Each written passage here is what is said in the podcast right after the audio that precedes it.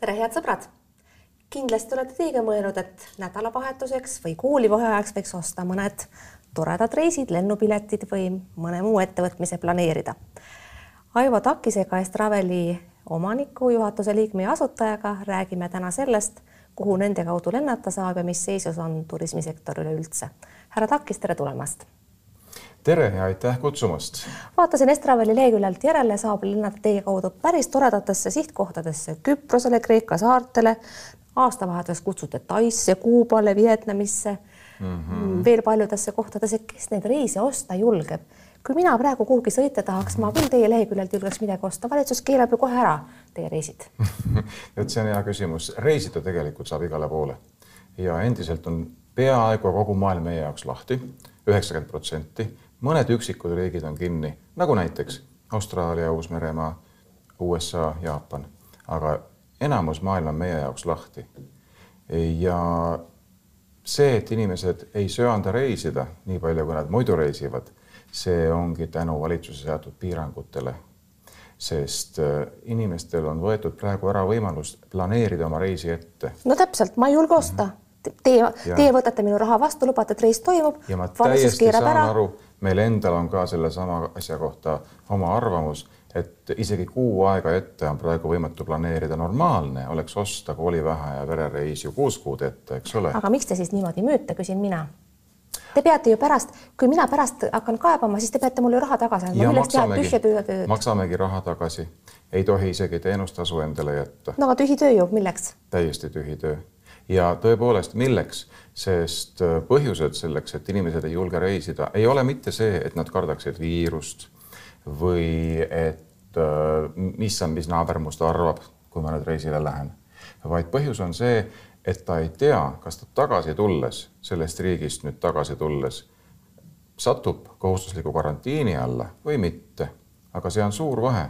isegi kui üks nendest inimestest sellest perest satub karantiini alla, siis kõik ülejäänud on ju lähikontaktsed Nad ei tohi tööle minna, nad ei tohi kooli minna. isegi kui tööle tohiks minna ja kooli ei saa minna, vanem ei saa ju minna tööle, kui laps on kodus, ta peab ka koju jääma, ta peab tegema seda koduõpet, eks ole, ja inimesed on sellest juba, ma arvan, et päris tüdinenud sellest koduõppekohustusest. arusaadav nagu paljust muustki turismisektor on saanud selles kriisis, koroonast põhjustatud kriisis erakordselt tugeva löögi, umbes üheksakümne protsendi ulatuses on tulnud tegevust kokku tõmmata. on olnud ka koondamisi. kui palju teie isiklikult olete pidanud äh, Estravelis inimesi töölt lahti laskma mm? -hmm. Estravelis oli meil kriisi alguses sada viiskümmend töötajat ja praegu on järgi jäänud nendest sada. nii et me oleme koondanud kolmkümmend protsenti, vähemalt kolmandiku, äh, viiskümmend inimest ja tihti küsitakse, et miks nii vähe. et miks te rohkem pole koondanud, kui teil on kukkunud käive palju rohkem, nagu näiteks võtame meie septembri käibe. palju see käibenumbri kukkumine on, mis see protsent on? eelmise aasta septembris oli meie Eesti, no me töötame ju ka muudes riikides, Eesti meie käive eelmine aasta september oli kuus koma kuus miljonit, sellel aastal üks miljon. nii et kuus pool korda on kukkumine no siis on teil läinud isegi hästi, kui räägitakse kaheksakümne protsendistest kukkumistest. Kui no palju te peaaegu olete... seitsmekordne on meie kukkumine. kui palju te isiklikult olete vaesemaks jäänud, olete omanik seda ma ei tahaks kommenteerida, kindlasti on minu netoväärtus kahanenud kõvasti, aga mitte veel alla poole, kuna kahe, kolmekümne kahe tegevusaasta jooksul, mis Estravel on edukalt töötanud Eesti turul ja nüüd viimastel aastatel ka paljude muude riikide turul, oleme me suutnud ikkagi kasumi reinvesteerimise teel oma omakapitali piisavalt äh, suureks ajada, et me elame ära ka siis, kui koroonakriis veel jätkub mingit aega. kas te elate ära ka siis, kui riik üleüldse appi ei tule? ma ei pea isegi silmas mitte konkreetselt teid, vaid turismisektorit tervikuna, sest riigi raha jagamine toimub sektoripõhiselt. kui, kui, on... kui riik teile nüüd üldse enam midagi juurde ei anna, mis test siis saab? see on nüüd hiromandi küsimus et kui riik juurde ei anna midagi ja ega me ausalt öeldes ei loodagi, et, et sealt midagi tuleb. Turismifirmade Liidu juht. ja muidugi me loodame, aga noh, ütleme niimoodi, et äh, eelmine toetus ja seniajani ainus toetus, sest äh, Töötukassa meedet ma ei loe toetuseks meie sektorile, kuna seda said kõik, mäletate, eks ole, kevadel, mis toimus kaks kuud ja, ja sealt kõik, kes suutsid öelda, et nendel natukene käive kahanes, kõik said seda toetust, me oleme väga tänulikud muidugi selle üle, et, et midagigi tuli. no Raul Siem Aga... veetas, et saite kakskümmend viis miljonit kevadel ka veel sektori peale. palju sellest no, teieni jõudis? jah, noh, defineerime sektori turismisektor ja reisisektor on erinevad asjad, et reisisektor kuulub turismisektori sisse. palju te saite? me saime kuuskümmend tuhat, kui te sellest EAS-i toetusest räägite. kuuskümmend tuhat, ütlen kohe, see tundub võib-olla suur number ja väikese firma jaoks ta ongi suur number. meie jaoks ta katab praegu ära ühe kuu sotsiaalmaksu, mitte palgafondi, vaid ainult sotsiaalmaksu ja ainult ühe kuu. aga kevadel ta ei katnud sedagi nii et, et see uus toetus, millest räägitakse, millest kuluaaridest on kuulda olnud, seal on samamoodi maksimumsumma peale pandud ja samamoodi räägitakse kuuekümnest tuhandest. nii et noh, meid konkreetselt ta ei aita, no aga meie ärimudel ei olegi üles ehitatud selle peale, et me elaksime toetusest no praegu elavad toetustest ka need, kes on varem käsi linnal vandunud, et nad kunagi riigi käest abi ei küsi või siis vähemasti, kelle puhul on põhjust olnud arvata, et nad seda mitte kunagi ei tee. aga räägime korra nendest summadest, mida Turismifirmade Liidu kaudu on siis äh, taotletud, kui see viis koma kaheksa miljonit EAS-i jäägid mm, -hmm. see, mis põrandale ja. pudeles, nagu kui kasutada Tiit Pruuli väljendit, äh, lõpuks ära eraldati, siis äh, oli Tiit Pruuli mm -hmm. ja mhm. väga paljud teised ettevõtjad ikka päris vihane, väga mm -hmm. solvunud. küsiti, küsiti ju kaheksakümmend miljonit. nüüd mm -hmm on äh, seda ootust oluliselt kärbitud, peetakse heaks, kui sa saaks sektori peale nelikümmend viis miljonit mm. -hmm.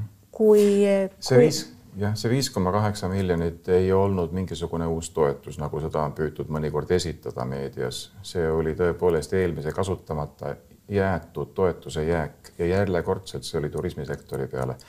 peab. mis tegi umbes tuhat eurot iga ettevõtte peale? no me peame defineerima turismisektori, mida ei ole kuskil tehtud. turismisektorit kui sellist ei ole ju tegelikult olemas ametlikult. kui me vaatame EMTAK-i liigitust, mis defineerib meil ettevõtjad, klassifitseerib ettevõtjad, siis sellist asja nagu turismiettevõte ei ole olemas. on reisiettevõtjad ja, aga turismiettevõtjate alla käivad ju hotellid, kauplused, transpordiettevõtted taksod, kauplused. no hotellid kõik. ja restoranide pidajad, neil on omaette liit ka veel. ma ei tahaks praegu sinna täpsemalt minna mm. -hmm. mind huvitab rohkem, mismoodi võiks ikkagi saada turismifirmade liit kätte see nelikümmend viis miljonit ehk siis see kärbitud ootus. Tiit Pruuli läheb järgmisel nädalal seda valitsuses arutama ja, ja tulevad, kogunevad ka mitmesugused komisjonid mm -hmm. tuleval nädalal. mida te Tiit Pruulile soovitaksite, et ta kasvõi pool sellest esialgsest summast koju tooks? Seda on nüüd raske öelda, mul on äh, suur usk Tiit Pruuli võimetesse. ta on äh, väga hea lobitegija. tema isiklikud võimed hästi läbi saada inimestega on palju paremad kui minul. ja ta kindlasti oskab leida neid äh, lähenemisnurki, mida mina ei oska leida. niisiis te ei kipu talle nõu andma, aga kas ähm, see ettepanek, mida, millest, see meede on, millest on praegu kõneldud et, et seitsekümmend protsenti äh, keskmisest palgast siis sektoris inimestele võiks maksta riik ja kolmkümmend protsenti ettevõte, et niimoodi jääks siis sektor kevadeni ellu. on see mõistlik? see on mõistlik, teate, meie töötame ju kuues äh, erinevas riigis ja me toome näite Soome. mulle meeldib Soomet kogu aeg näide, näiteks tuua, kuna eestlastele see on südamelähedane. Soomes on meil kaks bürood ja see... aga küsimus oli, kas see on mõistlik? kas selline ja, mudel on mõistlik? see on mõistlik, see on mõistlik, mõistlik ja ma toon kohe näite. Soomes täpselt niimoodi tehaksegi. me oleme Soomes äh, sunnitud olnud saatma oma töötajad sundpuhkusele. see, see on nüüd äh, võimalus, mida Eestis ei ole, ei ole kunagi olnud ja ei ole ka praegu. ja eriti praegu oleks seda ju vaja praegu meil Eestis ainsana nendest riikidest, kus me tegutseme, ei ole ümber tehtud ega leevendatud tööseadusandluse nõuded ettevõtjate suhtes. kehtivad täpselt samad reeglid kui enne kriisi. Soomes me saame saata inimesed sundpuhkusele ja me ei maksa neile mitte midagi selle aja eest, mis nad on sundpuhkusel kodus, küll aga maksab riik. ja see keskmine, noh, see kõigub natukene olenevalt selle töötaja olukorrast, staažist, palgast ja nii edasi ja temast, tema staatusest. aga see keskmine protsent ongi seitsekümmend, mis riik maksab talle kinni selle sunnitud puhkuse olemise ajas ja seda võib teha kakssada päeva järjest, mitte aasta jooksul kakssada päeva, vaid järjest kakssada päeva, siis tood ta tööle nädalaks või kaheks ja saad jälle kahesajaks päevaks ta saata sundpuhkusele, seda ja. võimalust Eestis ei ole. ja, aga minu küsimuse mõte seisneb hoopis mujal. okei okay,, riik, oled, oletame, et Pruuli räägib selle raha välja ja antakse, tekitatakse mm -hmm. võimalus, et seitsekümmend protsenti riik maksab palgast kevadeni kinni. väga paljud inimesed tegelikult ju ei tööta ehk nad saaksid seitsekümmend protsenti oma palgast riigi käest ja kolmkümmend protsenti ettevõtte käest lihtsalt selle eest, et neid hoitakse palgal, nad ei tee midagi, sest nad ei saa teha. tuleb kevad, me ei tea, kuidas koroonaga läheb mm. -hmm. põhimõtteliselt võib see osutuda lihtsalt suure häda edasilükkamiseks ja täpselt niimoodi ongi, ega keegi ei teagi, kuidas läheb. no toon jälle näite, mulle kohe meeldib näiteid tuua sellest, et kuidas meil mujal maailmas on, sest, sest meil on väga hea paralleele tuua. meil Austraalias riik maksab kinni, kuna seal on riiklikult kehtestatud piirangud, nagu ka Eestis on riiklikult kehtestatud piirangud reisimisele. seal maksab riik kinni kõikide meie töötajate kogupalga alates selle aasta aprillikuust kuni järgmise aasta märtsikuuni. ja kui selgub, et kriis ei ole selleks ajaks läbi veel, siis nad pikendavad seda. ja kogu palga kinnimaksmine tähendab seda, et meil ei olegi üldse mingeid kulusid. inimesed on tööl, teevad, mida neil teha on. kui ei ole midagi teha, siis nad ei teegi midagi aga kõik palk tuleb riigi käest. jah, aga mõelge ise, riigil ei ole endal mingit raha, tal on maksumaksjate raha, see on tegelikult minu raha, mille eest siis need inimesed kodus istuvad mm. -hmm. ja kahtlemata olen ma mures, kui, kui ma ei tea, kaua selline olukord kestab. ehk teisisõnu, kui Raul Siem ja kui ka näiteks Jüri Ratas ütleb, et äh, raha juurde ei kipu üldse tulema ja te peategi ise kohanema selle olukorraga, mis on tekkinud, nad mm -hmm. mõlemad on sellist äh, veendumust väljendanud, siis teatavast aspektist mm -hmm. vaadates võib neil olla õigus. jäävad, see ongi äri, tugevamad jäävadki ellu, nõrgemad panevad kõrvad pea alla. oleneb, mis nurga alt asja vaadata. Ja sul on täiesti õigus ja nüüd, äh, et miks me oleme ainult kolmandiku oma töötajatest koondanud, miks me need kõik siis ära ei koondanud, võiks ju kohe küsida, eks ole, et miks te, miks te hoiate, miks te teete heategevust? Ja, ja mm, hoiate inimesi tööl, kui tegelikult tööd ei ole ja inimesi reisib palju vähem. meil on kohustused, me peame nad tööl hoidma. meil on palju avaliku sektori, sealhulgas riigisektori hankelepinguid, mis ütlevad väga selgelt et me peame olema valmis iga päev selleks, et homme hakkavad tellimused tulema. ükski meie äh, riiklike hankelepingute partneritest ei ole meile siiamaani teatanud, et nüüd võite vabalt võtta ja kuu aega me ei telli teilt midagi ja siis hakkame uuesti tellima. Keegi pole seda öelnud, me oleme kohustatud olema valmis, sellepärast me hoiame inimesi tööl praegu hästi, see on veenev põhjendus, mis võiks, võiks omakorda tähendada ka moraalset kohustust riigile teid toetada, vähemasti kaudses mõttes. me peame rääkima sellest, mis toimub mm -hmm. Taavi Aasa peas, sest Taavi Aas on meie riigis see mees, kes ütleb, kuhu tohib lennata ja kuhu ei tohi mitte lennata oh,. mina pole aru saanud, mis tema peas toimub, kord on nii, kord on naa, põhjendused ei veena mind sugugi. palun selgitage teie, kas te olete aru saanud? lühike vastus ei ole. Aga, aga pikem vastus on see, et äh, minu arvates ei ole mingit mõtet lennugeograafiat piirata ja sihtkohti piirata. see läheneb juba anekdoodile, et kui mulle antakse võimalus öelda ke, keelata ja käskida, siis ma seda teen suurima heameelega. tegelikult ju mitte keegi Euroopas ei tee seda, välja arvatud kaks riiki, üks on Eesti, teine on Läti ja kui Läti puhul veel võib aru saada, no natukene, eks ole, natukene utreeritult. Lätil on ju riigile kuuluv lennufirma Air Baltic kes põhilised sihtkohad katab ära äh, Riia lennujaamast. ja kui seal on geograafia piirang ja inimesed ikkagi ju saavad lennata, nad lendavad ümberistumistega lihtsalt, siis ka ümberistumistega lendudega tuleb raha Air Balticule, vähemalt poole sellest lennumarsruudist, pooled lennud ta ikkagi peab tegema Air Balticuga. mingi mõte ikkagi asjal on, eks ole. Eesti, Eesti puhul no mitte mingit mõtet ei ole no meile räägitakse, et Terviseamet ütleb ka, et ärge üldse reisige mm -hmm. ja tegelikult ka teie ise olete kaudselt viisanud, et äh, lendude, kuidas see väljend teil oli, demoniseerimisel ja. On poliitilised põhjused. absoluutselt. ka mina näen neid poliitilisi põhjusi, kuid ma paluksin teil selgitada, mida teie pidasite silmas, kui te seda ütlesite mm. -hmm see, et reisimine demoniseeritud on, seda me märkasime nüüd viimase paari kuu jooksul, kui tugevnesid äh, valitsuse poolsed avaldused ja, ja üleskutsed rahvale, et ärge reisige, reisimine on kahjulik, reisimine toob viirust riiki, selle asemel sõitke Eestis ringi, avastage Eestimaad no sealhulgas Ida-Virumaad näiteks, eks ole, mida mina küll ei soovitaks praegu teha. no või spaasid, kus me ikka oleme üksteisele päris lähedal. ja päris lähedal tõesti või ühistranspordiga sõita ilma maskita, mis on nagu kümme korda hullem viirusnakkuse allikas, kui, kui kontrollitult välismaale minna. aga miks nad teevad seda?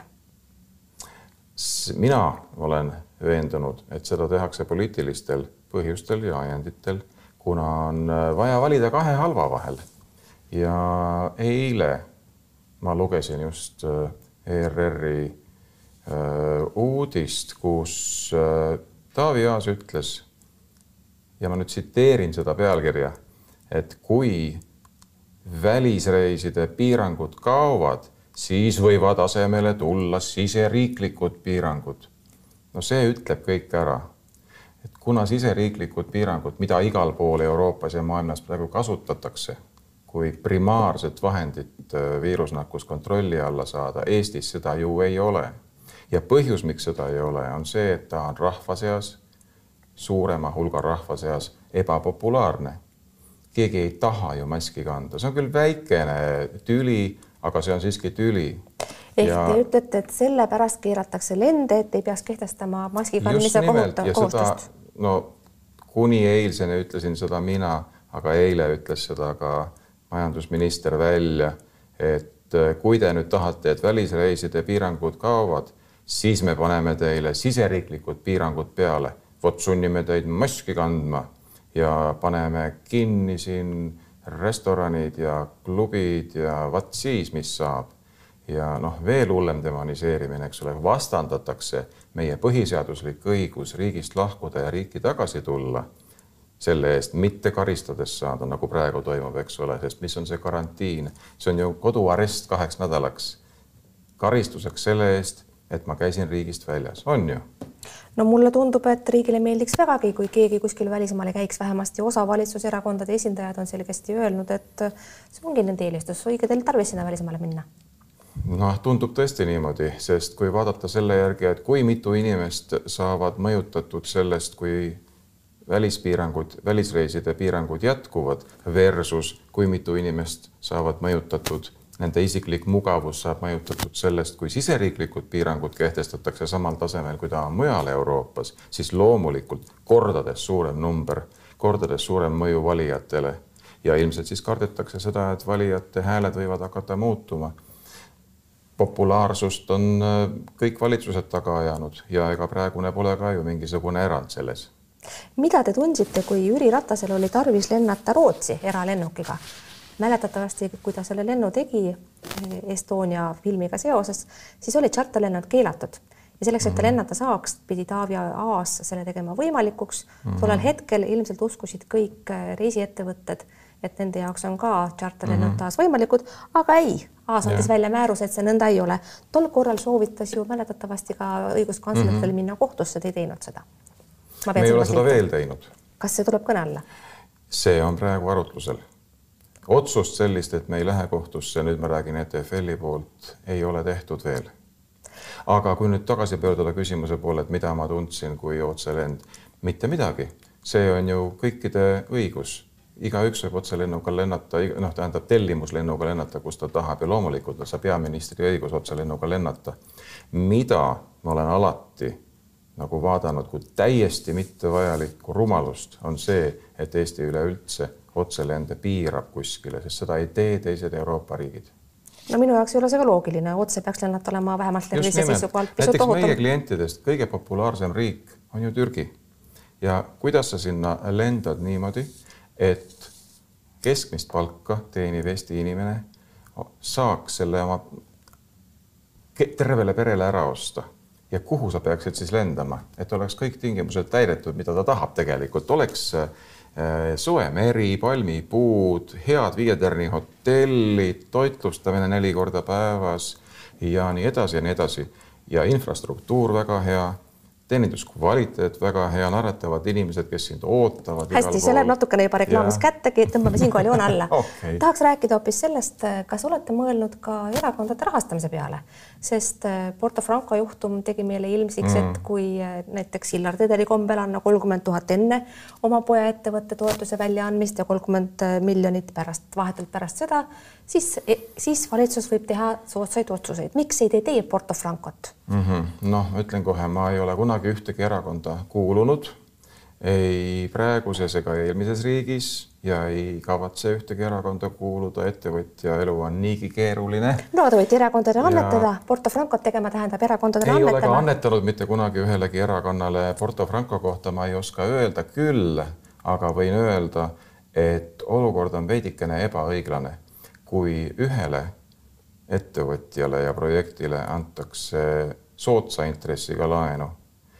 aga teisele, no näiteks nimesid nimetamata top kümne hulka kuuluv reisiettevõtja, kes äh, oli sunnitud küsima käibelaenu äh, KredExi käest. temale pandi intressiks kuus protsenti, mis on üle turuhinna ja nõuti lisaks, no pluss veel lepingutasu, eks ole, see on KredExi laenust ma praegu räägin, kuus protsenti pluss lepingutasu ja pluss omanike käest võeti käendused, pluss veel nõuti, et pannakse kinnisvara hüpoteeki. see ei ole normaalne, ma võin kohe jälle, mulle meeldib kohe tuua paralleele, kus me veel tegutseme. Leedu, palun, ei ole kaugele minna. Äh, Leedus meie tütarfirma ilma mingi keerulise asjaajamiseta sai analoogse, selle nimi ei ole KredEx, see on mingi keeruline nimi, mis mul ei ole praegu meeles see leedukeelne nimi, uh -huh. aga laenu intress oli null koma üheksateist, no oleks võinud ka null olla, aga see üheksateist on nagu žest selle Covid üheksateistkümne suunas, eks ole. ja, ja kolmeks ja viieks aastaks kaks eraldi laenu pakuti, ei mingisugust äh, tagatist ei nõutud omanike käest, erinevalt KredExist, eks ole, kes nõuab ikkagi tagatist omanike käest ka. ühesõnaga okay. kuus korda odavam, viis korda odavam, see ja, ja.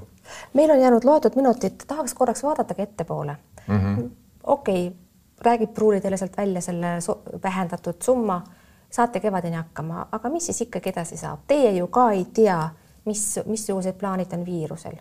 pluss sellel mm -hmm. on mhm. tegelikult veel ka teine aspekt, mis ilmselt on ammu käinud läbi kõigi reisiettevõtete omanike ja juhtide peadest. see aeg, kus mm -hmm. reisibüroode kaudu reisiti on tegelikult ikkagi minevik. ei ole, ütlen vastu iga inimene võib ju ise osta endale lennupiletid, broneerida hotellid, see on nii lihtne. ja ostabki, aga see, kelle käest ta ostab, kas, kas te seda olete mõelnud, see no. ei ole ju otse lennufirma see on ju reisibüroo samasugune nagu meiegi, ka meie müügist. mina lähen ostan küll ikka reisifirma leheküljelt. Kui palju meie müügist on täpselt samasugune üle interneti toimuv müük, kus kellegi käsi ei puutu vastu, täiesti automaatne protsess. Äh, tellimine, vormistamine, väljastamine, äh, maksmine, kõik on täisautomaatne, kakskümmend protsenti meie müügist on selline. see on ju reisibüroo tegevus, täpselt samamoodi eestlased armastavad osta tõepoolest jah, äh, küll enamik minu tuttavaid tagant... ostavad ikkagi ise ise, aga see ei tähenda, et nad ei kasuta reisibüroosid, nad kasutavad enamasti ikka ei kasuta. kasutavad küll, nad ei tea seda lihtsalt, kui nad võtavad oma krediitkaardi statement'i lahti ja vaatavad, kellele see raha tegelikult läks siis sealt vaatab vastu ikka reisibüroo nimi. Te peate, te peate silmas neid MyTripel, All Traveleid ja neid sääraseid platvorme, aga ja. mina pean silmas ostmist lennufirma koduleheküljelt, näiteks lennupiletite puhul ja. ja hotellide puhul ka saab ju minna hotelli enda leheküljele ja broneerida sealt. aga inimesed ei tee seda. Nad ei tee seda, nad arvavad, et, et see oleks ju tore. esiteks nad ei võida sellega mitte midagi, kuna hind ei ole odavam, tingimused ei ole paremad ja keegi ei teeninda ja, ja teiseks nad küll ütlevad, aga tegelikult, kui hakkad nagu uurima, siis nad ikkagi ostavad booking.com'ist, mis on reisibüroo. Ta ei ole mingi no, hotell, ta on reisibüroo, nii. ja kui sa lähed äh, Skyscannerisse, Momondosse, mis on Eesti, eestlaste lemmikud mõlemad, eks ole, siis sa maksad kahele vahendajale, mitte ühele, nagu meie kaudu ostes, nagu Eesti reisibüroo kaudu ostes, vaid kahele vahendajale maksad, eks ole, ja seal taga istuvad ikkagi Kreeka ja Küprose firmad omanik, sa ei tea, kes seal on ja, ja sa ei saa peale selle lennu toimumist või isegi enne selle lennu toimumist ei saa muuta, ei saa tühistada, sest seda lihtsalt ei ole lepingus kirjas. okei okay,, Aivo Taakis, selle teile sobiva põhjendusega peame tänase saate lõpetama. suur tänu, et tulite saatesse. head sõbrad, aitäh, et te vaatasite, vaadake teinekord ikka jälle, mingu teil vahepeal hästi, kuulmiseni, nägemiseni